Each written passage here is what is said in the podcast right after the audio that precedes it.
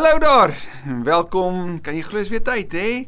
Nog 'n week het verby beweeg en ons het weer die voorreg en dis so lekker dat ek ook hoor van mense wat later op ons reis bygekom het en wat hierdie sommer so op 'n reeks amper so 'n bietjie binge watch. Vir die wat van ver af inloer. Nou, ek wil van ver af is nou maar relatief wanneer jy dink aan die internet. Maar vir die wat soos byvoorbeeld in die DRC sit, hallo. So lekker om te weet dat daar dat daar huwelike is waar die man van en die vrou nie op dieselfde plek is nie, maar saam die Bybelstudie bywoon. Dit is heerlike inspirasie ook vir ons om om net aan te hou doen wat ons moet doen. Vir al die gelowiges daar in Kanada wat deelneem en kyk en luister. Welkom vir almal van waar ook al jy inloer of dit ver van waar ons nou is dalk is of hier in ons omgewing.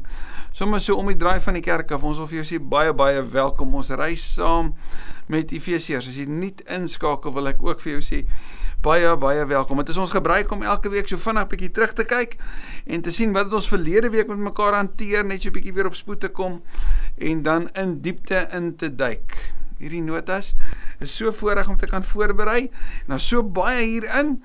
So asseblief, dit kan ook tot jou beskikking wees. Ek stuur dit baie baie graag vir jou. Verlede week het Paulus met hoofstuk 4 begin op die rig van daai pragtige gebed aan die einde van hoofstuk 3 om vir die gelowiges te herinner wie hulle is en as hulle verstaan wie hulle is as kerk, dan gaan hulle ook verstaan hoekom hulle anders moet leef wat ons natuurlik vandag gaan sien. So uit vir hulle herinner, hoor hierso, onthou mooi dat jy nie moet leef, dat jy beskeie moet wees, dat jy vriendelik moet wees, geduldig moet wees en dat julle mekaar in liefde moet verdra. Want julle is aan mekaar gebind deur die band van die Gees. En onthou mooi, daar's een Gees, daar's een een doop, daar's een Here, daar's een God en Vader van almal. Daar's een geloof, daar's een liggaam. En ons almal is deel van hierdie eenheid. Die geleerdes praat ons van pluriformiteit, eenheid in verskeidenheid. Ons is verskillend, maar ons is een, ons is aan mekaar gebind. En daarom moet ons lewenstyl, nie ons geaardhede of ons persoonlikhede nie, maar die manier hoe ons leef moet dieselfde wees. Dit moet een boodskap gee. En as jy vandag sou gaan Google Christians are en jy los, dan gaan jy nie woorde sien soos Christians are faithful, kind, patient, loyal, serving, unselfish. Jy gaan nie dit kry nie, nê. Nee. Wat jy gaan kry, sê David Kinnaman is Christians are hypocritical. Ek bedoel dis dis dis nogal erg, hè? Christene word geken daarvoor dat hulle nie leef wat hulle sê nie. Christene is teen mense. Christene is judgmental. Weet hulle is vol oordeel ensovoorts. So Paulus kom herinner ons nee nee nee nee, dis nie ons moet lyk like, nie, ons moet anders lyk. Like en en en en dit is omdat ons reeds dit is. Ons is aan mekaar gebind. Ons is aan die Here gebind. Ons is nie en vanuit hom gaan ons groei. En daarvoor het hy vir ons gawes gegee om te groei as mens. En en hierdie gawes is om ons op te bou sodat ons nie hoef rond te val vir elke dwaalleer wat kom nie. As jy reg?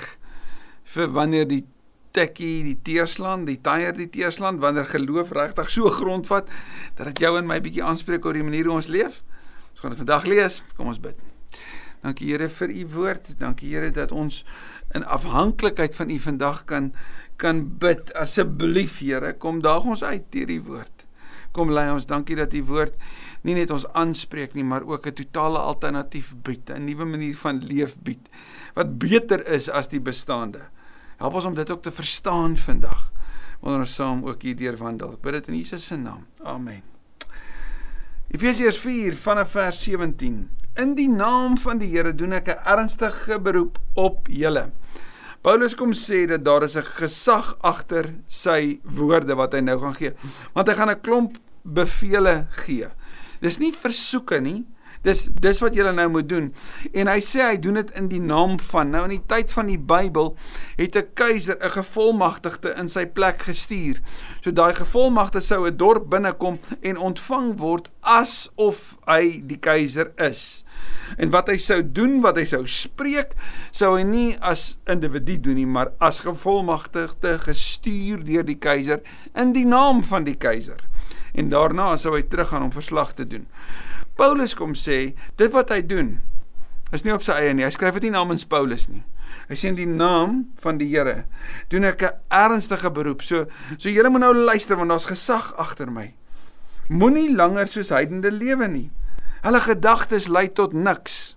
Nou Paulus weet wat dit beteken om anders te begin dink. Hy skryf dit mos in Romeine 12 vers 1 en 2. Dat ons ons, ons lewe vir die Here moet gee en dat ons gedagtes moet nuut word. Ons moet op 'n nuwe manier leer dink. Paulus sê die heidense gedagtes en op die Grieke was dit, die gemeente van Efese ken dit mos. Hulle gedagtes het tot niks gelei nie. So moenie so lewe nie. Hulle verstand is verduister. So dis gesluier. Dit is asof hulle nie kan sien nie. Hulle gedagtes is nie helder nie. Jy sou kon sê hulle gedagtes is nie nugter nie. Is nie wakker nie. Gedagtes is verduister. Het jy al iemand gesien met 'n verduisterde gedagte of 'n verduisterde brein? Iemand wat bedwelmd is, wat nie eers weet hoe om te loop nie, wat sukkel om die pad te vind. Klink nogal soos toe ons met prediker besig was, nê? Nee, 'n Dwaase wat so loop. Nou Paulus sê Hulle verstand is verduister en hulle het geen deel aan die lewe wat God skenk nie. Omdat hulle hardnekkig en hul onkunde volhard. Paulus kom sê, wat bring God vir jou? Die lewe. Wat sê Jesus kom bring hy? Dan Johannes 10 vers 10. Hy bring 'n lewe in oorvloed. Wat word as leuen vertel vir mense oor Christene? Wel as jy as jy Jesus wil begin volg, moet jy weet jy gaan ophou lewe. Jy gaan nie meer pret hê nie. Jy gaan nie meer vreugde hê nie. Jy gaan nie meer sin en betekenis hê nie. Alles word van jou gestroop. Jy gaan nou nors een kant sit en net Bybel lees en bid. Dis al. Nee, nee, nee, nee, nee. Wat Paulus kom sê is wat God vir jou bring is juis lewe. Onthou jy hoofstuk 2, jy word geroep vanaf die dood na die lewe toe. Jy word 'n lewende wese. Die heidene wil nie hierdie lewe hê nie. Hoekom nie? Want hulle wil hardnekkig in hul onkunde volhard. Dom as strand, sou my ma gesê het.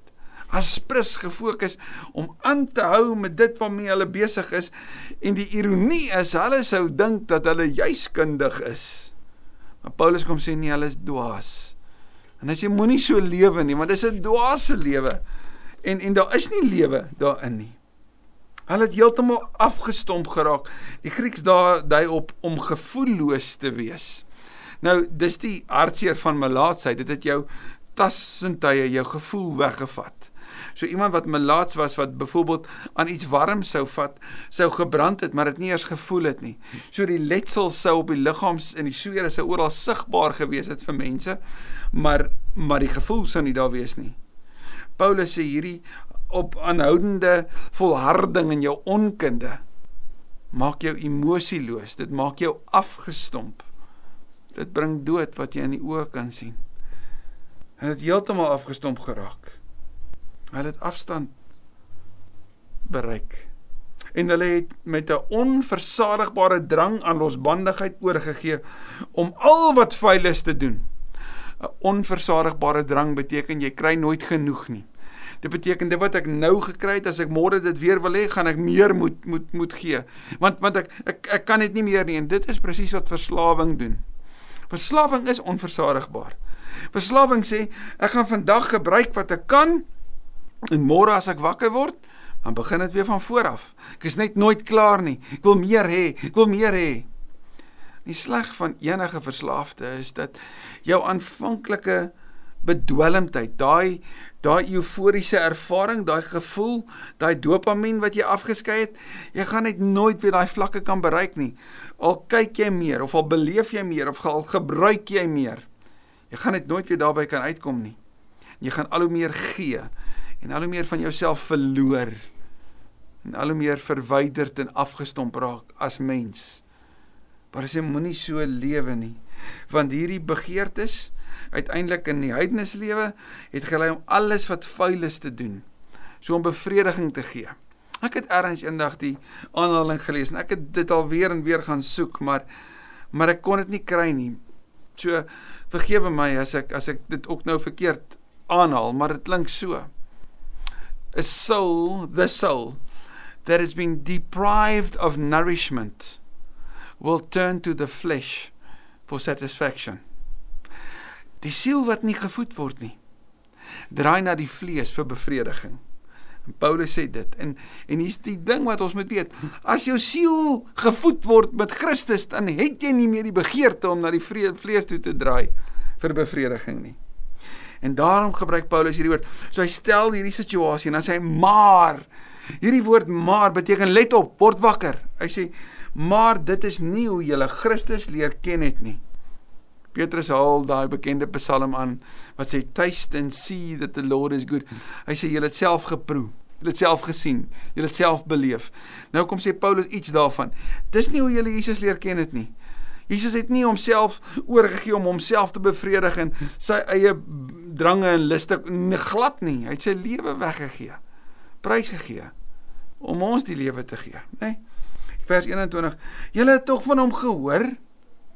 En omdat julle sy volgelinge is, is julle onderrig volgens die waarheid wat in Jesus is. Paulus het hierdie in sy eie lewe ook beleef. Jy het Jesus ontmoet, jy het hom leer ken, jy weet van hom. Hy sê, ek het julle geleer die jare wat hy in Efese gewerk het, het hy hulle onderrig daarin, vir hulle geleer hoe die Jesus lewe lyk. Hy sê julle is onderrig daarin. En wat julle in onderrig is is in die waarheid en is nie los waarheid nie. Dis nie gedagtes wat dalk waar is nie. Dis nie hierdie one-liners nie. Dis die waarheid wat in Jesus is. En Jesus sê ek is die weg, die waarheid en die lewe. Hou dan op om te lewe soos jy vroeër geleef het. Weereens, jy is mos nou nuut. So dan kan jy mos nie die ou gewoontes aanhang nie. Nou is die belangrike wanneer jy 'n Christen word, as jy Jesus aanneem aan jou as jou Here, dan is jy nie jy's onmiddellik nuut. Maar jy's nie onmiddellik bevry van jou vorige gewoontes nie, want dit wat gewoontes was wat dalk nie vir jou verkeerd was nie, gaan jy mos maar mee aan. Sommige sou later ontdek dat om te vloek is toe nou eintlik nie reg nie om kritaal te gebruik of om wat ook al. Jy's jy's nou 'n Christen, so jy moet nou leer om te word wie jy reeds is. 'n Goeie voorbeeld toe Annie in die film aangeneem word deur 'n nuwe huishouding, toe sy onmiddellik dadelik deel van die nuwe huishouding. Sy het toegang tot alles wat daai huis in is, maar toe moes sy leer om te leef soos een van hulle. So dit wat sy reeds was, moet sy eers weer word. So jy word wat jy reeds is om te ontdek ek is syne. Wel om syne te wees, lyk ek nie soos wat ek nou is nie want ek is syne, daarom moet ek lyk like, soos die een aan wie ek behoort. Moet ek mos dan al hoe meer verander word. Kolossense 3 vers 10 praat van so 'n verandering. So Paulus sê hou dan op om te lewe soos jy vroeër geleef het. In kort, stop dit.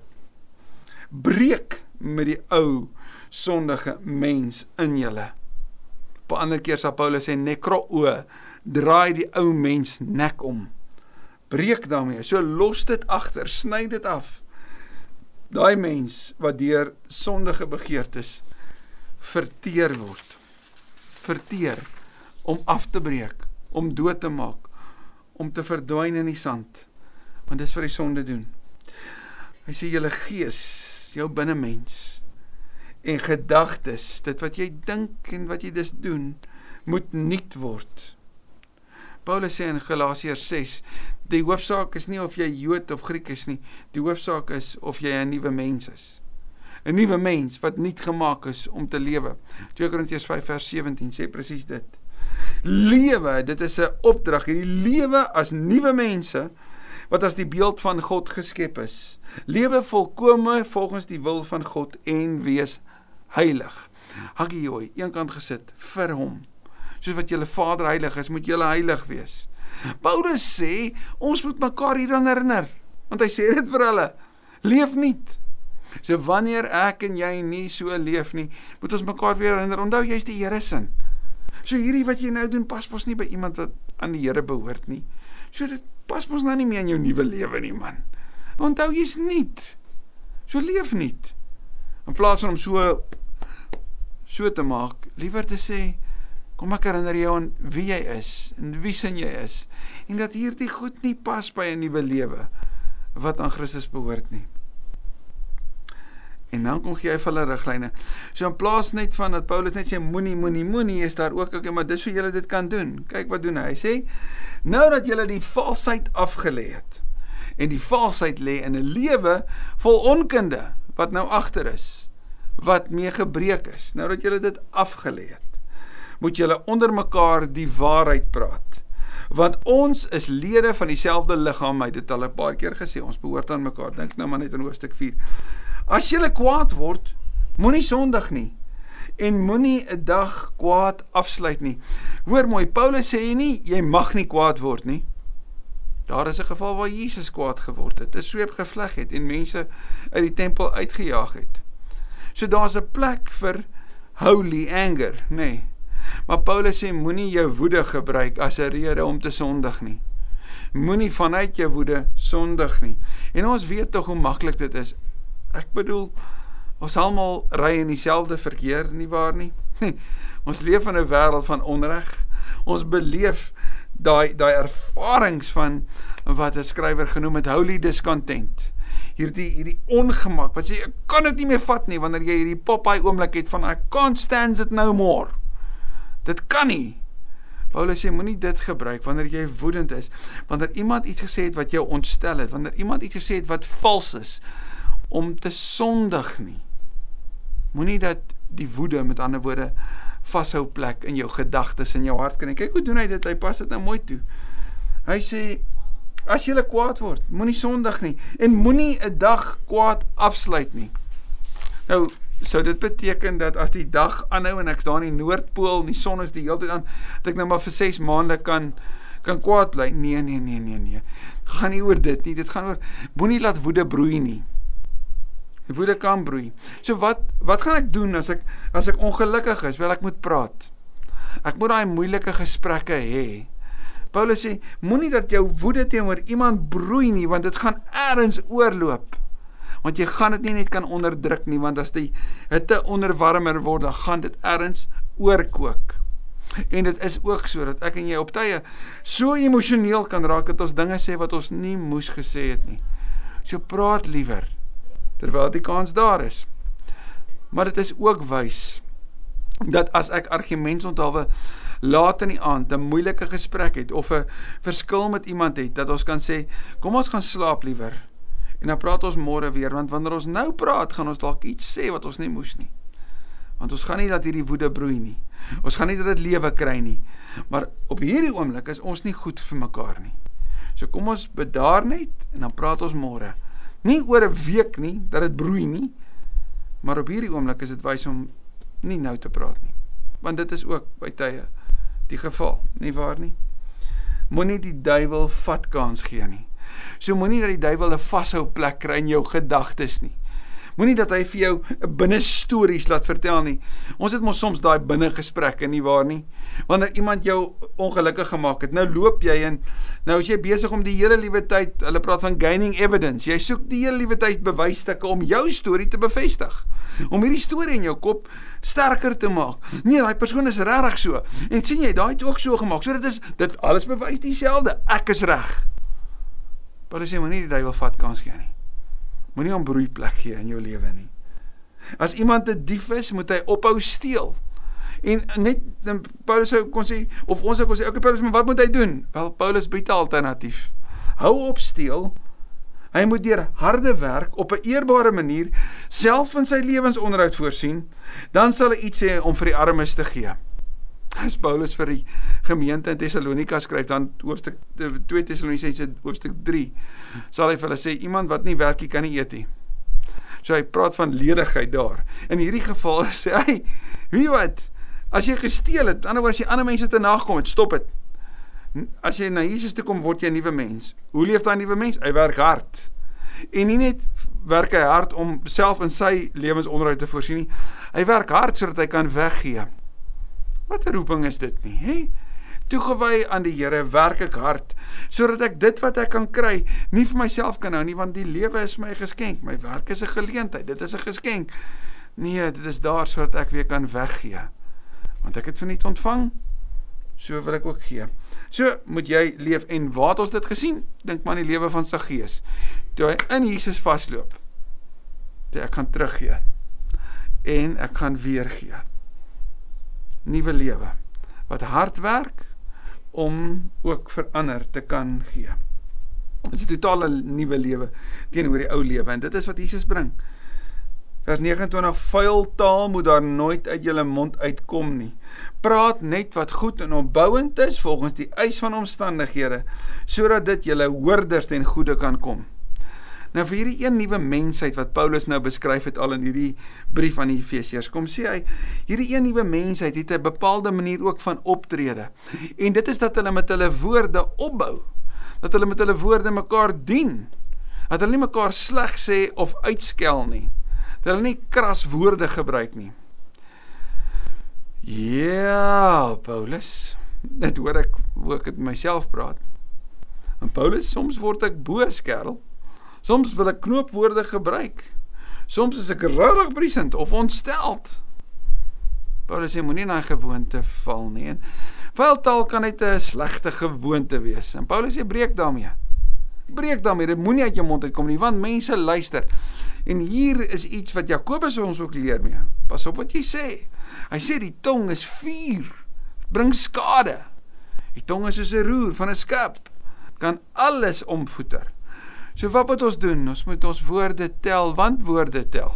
Ons sien woorde is soos tandepasta. As dit eers uit is, kry jy dit nie terug nie. As iemand jou dit gehoor sê het, is dit gedoen. Jy kan nou 100 keer daarna sê jy is jammer, maar dit is gedoen. So wees versigtig wat jy sê. En dit is miskien goed vir ons almal om te bely. Here, oue wag oor my mond. Asseblief help my om mooi te dink voordat ek praat dat ek wys kan wees en dat ek hierdie Jesus lewe kan leef, hierdie alternatiewe lewe, hierdie anderse tipe lewe wat werklik die lewe is. Want mense wat nie vuil taal gebruik nie en nie anders skel nie, hoef nie skuldig te voel nie en nie bekommerd te wees oor as iemand hulle sou aanhaal nie.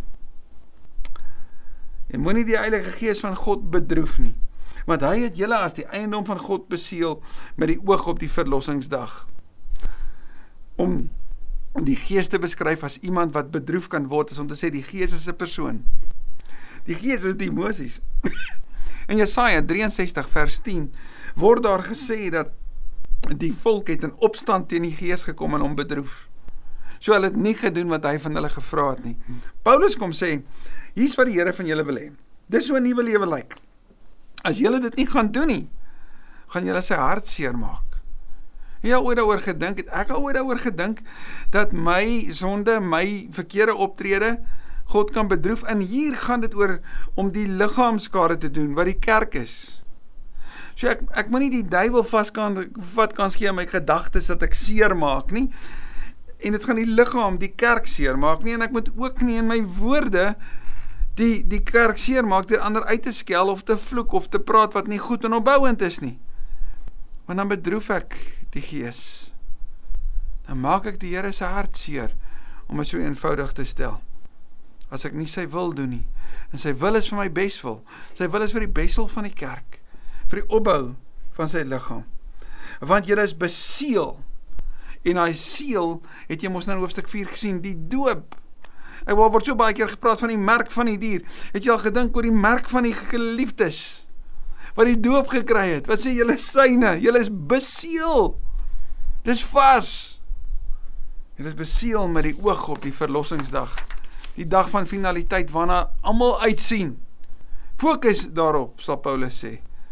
En doen wat reg is. Vers 31 moet nooit in die Griekse woord vir nooit is, nooit. Moet nooit verbitterd en dis wanneer woede broei, nê, nee, dan word jy later bitter. Nooit verbitter of opvleend wees of woedend word nie. Moenie vloek of skel nie. Moet niks doen wat sleg is nie. Bly net weg van wat sleg is en wat afbreek. Wat moet ek eerder doen? Wees goedgesind en hartlik teenoor mekaar en vergewe mekaar soos Christus julle ook vergewe het. En hoe is daai vergifnis? Volledig. Hoeveel keer? 70 maal 7 keer. Wanneer? Elke dag. Sien jy dat Paulus ons lei na die lewe van Jesus toe. Om goedgesind en hartlik te wees, om te verdra, om vry te spreek, om nie swaarigheid in jou hart te leef met verbitterdheid rond te loop nie, maar om mense regtig vry te maak en die mooi is onvergewingsgesindheid sal jou doodmaak. Om bitter te wees sal jou doodmaak. Dit gaan jou siek maak. om mense te vergewe is om Jesus te lewe en om gesond te word, om vry te kom, om met vreugde te kan leef. Weet julle, ons gaan baie ligter leef as ons liefde in ons rugsak pak as wanneer ons verbitterdheid en en wraak en onvergewingsgesindheid oor die verlede in ons rugsak pak.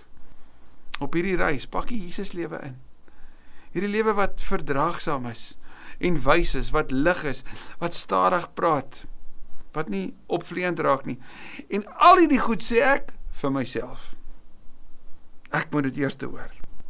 En vandag jy ook. Kom ons herinner mekaar daaraan. Kom ons herinner mekaar dat ons is nuwe mense in Christus en by nuwe mense pas 'n nuwe gedrag. En as jy aan Jesus behoort, dan dan is 'n nuwe lewe 'n gegewe. En hierdie is nou nie 'n buiten switch nie. Hierdie is nie kom na hom toe word nie. O, oh, maar nou gaan jy al hierdie goed moet doen nie. Nee, hierdie is wanneer jy nuut word dan ontdek jy wat ware lewe is. En ware lewe lyk anders as die lewe waaruit jy kom. Totaal anders. Dis hoekom dit bekering is. Dis omkeer. Dis in 'n nuwe rigting stap. Jy het jou lojaliteit geskuif. Jy's nou syne. En as jy syne is, dan tree jy op so syne. En as ek syne is, dan wil ek hom nie seermaak nie. Ek wil hom nie bedroef nie. Dan wil ek sy lewe, sy wil leef. Want sy wil is vir my beswil. En omdat hy vir my lief is, dat ek juis so wil leef. Nie sodat hy my liefhet nie, maar omdat. Kom ons bid. Vader baie baie dankie vir hierdie brief. Jo. Dankie vir die praktiese ook daarvan is so wonderlik Here om na ons lang reis waarin Paulus ons opnuut herinner het aan ons identiteit en wat met ons gebeur het en van die grootheid daarvan en van dit waarvan ons deel is en van al die wondere daarvan ook vir ons kom sê maar weet jy wat? Juist daarom kan jy nie leef soos wat jy geleef het nie. Jy's deel van 'n nuwe werklikheid en binne in hierdie werklikheid tree die Vader se kinders anders op. Die koninkryk van die hemel se burgers het 'n nuwe manier van leef en dink en praat en doen. Ek weet jy het deur die Gees ook die vinger op sekere dele in ons harte kom druk vandag. Dalk was dit verbitterheid. Dalk was dit kwaad wat ons in ons harte ronddra. Dalk was dit 'n slegte gebruik van knoopwoorde of om gereeld woedend te word of opvleend te raak in my huis. Goed te slaan en, en net te loop om die dag kwaad juis af te sluit en mense net te los om om regtig kans wat kans te gee vir die duiwel. En in die proses ook die liggaam self seer te maak. Here, ons bely dit voor U. Dankie dat wanneer U sê ons moet mekaar vergewe soos U ons vergewe dat ons weet dat wanneer U ons vergewe is dit volledig. Help ons om dit ook so te kan leef. En Here, net U kan dit in ons doen. Ons het U so nodig. Hierdie nuwe lewe wat anders lyk word juis moontlik omdat U in ons woon en dit deur ons lewe moontlik maak. So kom Heilige Gees en dring ons in liefde tot vergifnis, tot 'n opbouende lewe, tot 'n vredesame lewe, tot 'n geduldige lewe, tot 'n liefdevolle diensbare lewe. In Jesus se naam. Amen. Amen. Ek hoop jy het 'n besondere mooi week.